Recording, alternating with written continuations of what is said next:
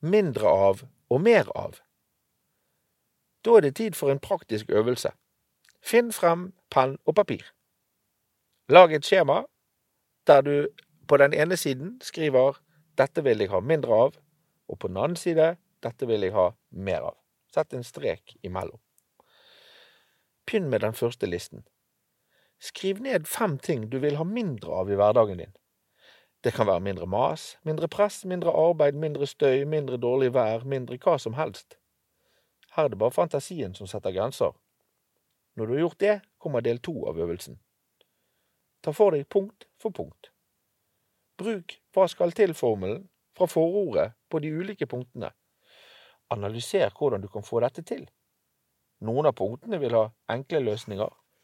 Noen vil måtte kreve omfattende arbeid for å bli løst, og noen vil kanskje ikke la seg løse i det hele tatt. Da må du finne ut hvordan du kan akseptere dette, eller finne en helt ny måte å tenke på. Vil du for eksempel ha mindre dårlig vær, må du enten være villig til å flytte til et sted med et annet klima, eller så må du være villig til å akseptere at det ikke er mulig å gjøre noe med dette. I begge tilfellene har du tatt et standpunkt til det du vil ha mindre av. Deretter blir det lettere å forholde seg til standpunktet, enten fordi du vet at du er i gang med å iverksette tiltak for å endre, eller at du har kommet frem til at du må akseptere dette slik det er. I begge tilfellene vil du uansett ha et mer bevisst forhold til valget du gjør.